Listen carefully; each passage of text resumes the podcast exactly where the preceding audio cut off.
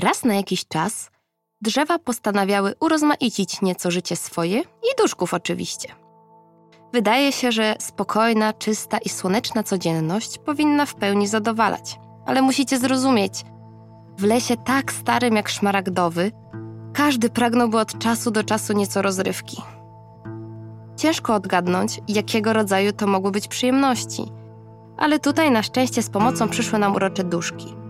Chętnie opowiadając, jak pewnego razu starsze drzewa zarządziły organizację konkursu piękności.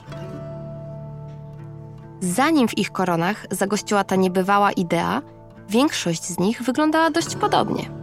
Różniły się jedynie tym, że jedne z nich miały igły, jak nasi przeciwwietrzni obrońcy, a inni liście. Kształt, kolor, długość liści nie były zbyt urozmaicone, a wszystkie przyczepione były do brązowych gałęzi odstających z pni o tym samym kolorze. Wyróżnikiem mogły być również wspomniane wcześniej porosty. Jednak były to istoty na tyle nieprzewidywalne, że nigdy nie było wiadomo, które z drzew wybiorą na swój dom i jaką przyjmą formę. Jakby się nie zdarzyło, drzewa goszczące porosty były bardzo dumne z ich obecności i chwaliły się tym na każdym kroku. Poza Leszym, jego mądrość i czyste serce oraz miłość do lasu sprawiały, że to porosty rywalizowały między sobą o to, które będą mogły tam zamieszkać. Leszy patrzył na to z czułością i pobłażaniem. Wiedział, że na jego ogromnych gałęziach i pniu znajdzie się miejsce dla każdego z nich. Nie było w nim ani odrobiny pychy, a raczej sama troska o to, aby pięknym gościom żyło się na jego korze jak najlepiej. Wróćmy jednak do konkursu. Leciwe drzewa długo myślały nad tym, co mogłoby im sprawić dużo frajdy. W korzeniach naprawdę wrzało. Pojawiało się wiele pomysłów. A co gdyby każdy zamienił się miejscem? Hmm. Na to potrzeba wielu, wielu lat, a zabawa w zasadzie żadna, oprócz tego, że trzeba się ruszyć. A gdyby tak wywinąć jakiś zabawny żart wiatrowi? Wspaniale, ale to groziło jakąś zemstą z jego strony, a jak wiemy, wiatr ma swoje fochy.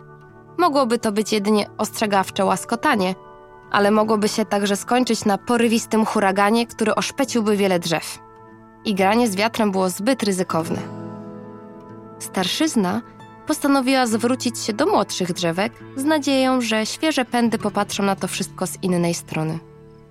I faktycznie, jeden szczególnie obiecujący podrostek, który zawsze pozostawał optymistą i chętnie poprawiał nastrój wszystkim dookoła, wyrosły nawet na nim pierwsze porosty, a w tak młodym wieku było to nie lada osiągnięciem, zaczął się zastanawiać i przyglądać wszystkim innym drzewom w lesie.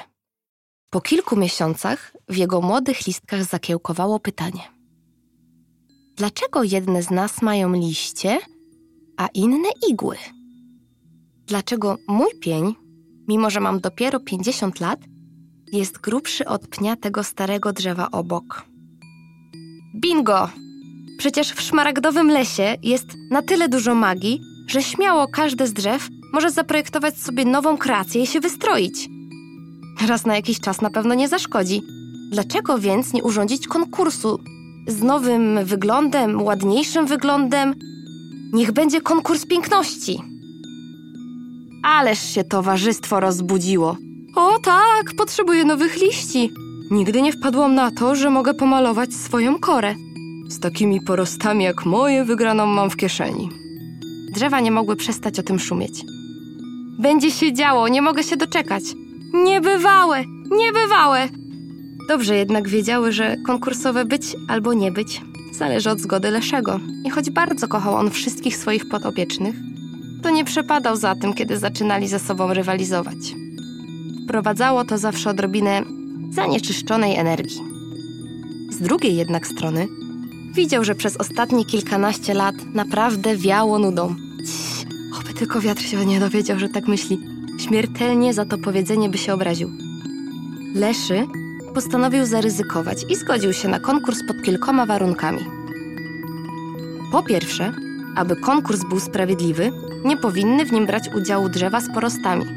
Dlatego każdy z nich musiało poważnie się zastanowić i zadecydować, czy rezygnuje z konkursu, czy odmawia schronienia tym pięknym istotom. Żadne drzewo nie miało wpływu na to, czy porosty na nim zamieszkają, czy nie. więc byłoby niesprawiedliwym oceniać tych szczęściarzy na równi z innymi. Drugim warunkiem, aby drzewa nie utonęły w powierzchowności, było to, aby ich projekt był dokładnie przemyślany, bo strój, w jaki się ubiorą, zatrzymają już na zawsze. Dzięki temu warunkowi nikt nie mógł zagrać nieczysto, żeby na siłę zrobić na innych ogromne wrażenie, a potem musieć męczyć się ze wszelkimi świecidełkami do końca świata. Projekt musiał być piękny, ale także wygodny. Ostatni warunek wiązał się ze współpracą. Drzewa muszą podzielić się na grupy, wspólnie dopracować kreacje, a na rozstrzygnięcie konkursu będą musiały wybrać reprezentantów, którzy osobiście stawią się u Leszego i jego rady jury, na którą wybrał kilka duszków i muchomora z racji jego ekstrawaganckiej elegancji. Będą także musieli opowiedzieć, dlaczego zdecydowali się na takie właśnie zmiany. Ten warunek określił jednoznacznie czas, jaki drzewa miały na przygotowanie i przewędrowanie do Leszego.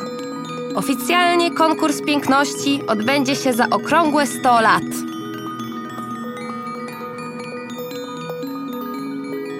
Wszystkie drzewa w lesie zabrały się do pracy tak szybko, jak tylko pozwalało im na to drzewie tempo. Pewnie zastanawiacie się, jak na wieści zareagowały drzewa, które musiały zdecydować, czy wybierają konkurs, czy porosty. Wbrew ludzkim oczekiwaniom, wcale nie były zasmucone lub zdenerwowane takim obrotem spraw. Rozumiały decyzję Leszego. Ich udział faktycznie byłby bardzo niesprawiedliwy dla innych. W związku z tym, że i tak już bardzo wiele otrzymały i czuły się szczęściarzami, ponieważ porosty wybrały właśnie je, z honorem odmówiły udziału w konkursie. Tworzenie domu dla drugiej istotki jest znacznie ważniejsze niż wyścigi po odmieniony i oryginalny wygląd. A sam fakt, że konkurs mimo wszystko się odbędzie, znacząco poprawiał ich już i tak dobre samopoczucie. Leszy nie mógł ukrywać dumy. Bardzo się cieszył, że jego drzewa podjęły tak mądrą i pełną szacunku dla innych decyzję, przy okazji doceniając, jak wiele już posiadają. Drzewa dość szybko dobrały się w grupy, decydując najczęściej na podstawie bliskiego położenia do innych drzew, z którymi zazwyczaj się zgadzały i lubiły plotkować. Jedna grupa wyjątkowo wydzieliła się spośród tych, które chroniły granic lasu, gdyż stwierdziły one, że muszą oddać cześć tak ważnej funkcji, którą pełniły. Razem do konkursu zgłosiło się pięć różnych drużyn. Oj, niełatwo było im wybrać nazwy. Wszyscy uczestnicy umówili się, że nazwa powinna być czymś zupełnie nowym, nie kojarzącym się z niczym, co do tej pory znali wszyscy mieszkańcy lasu. I tak powstały grupy: dębów, brzus, wierzb, sosen i świerków.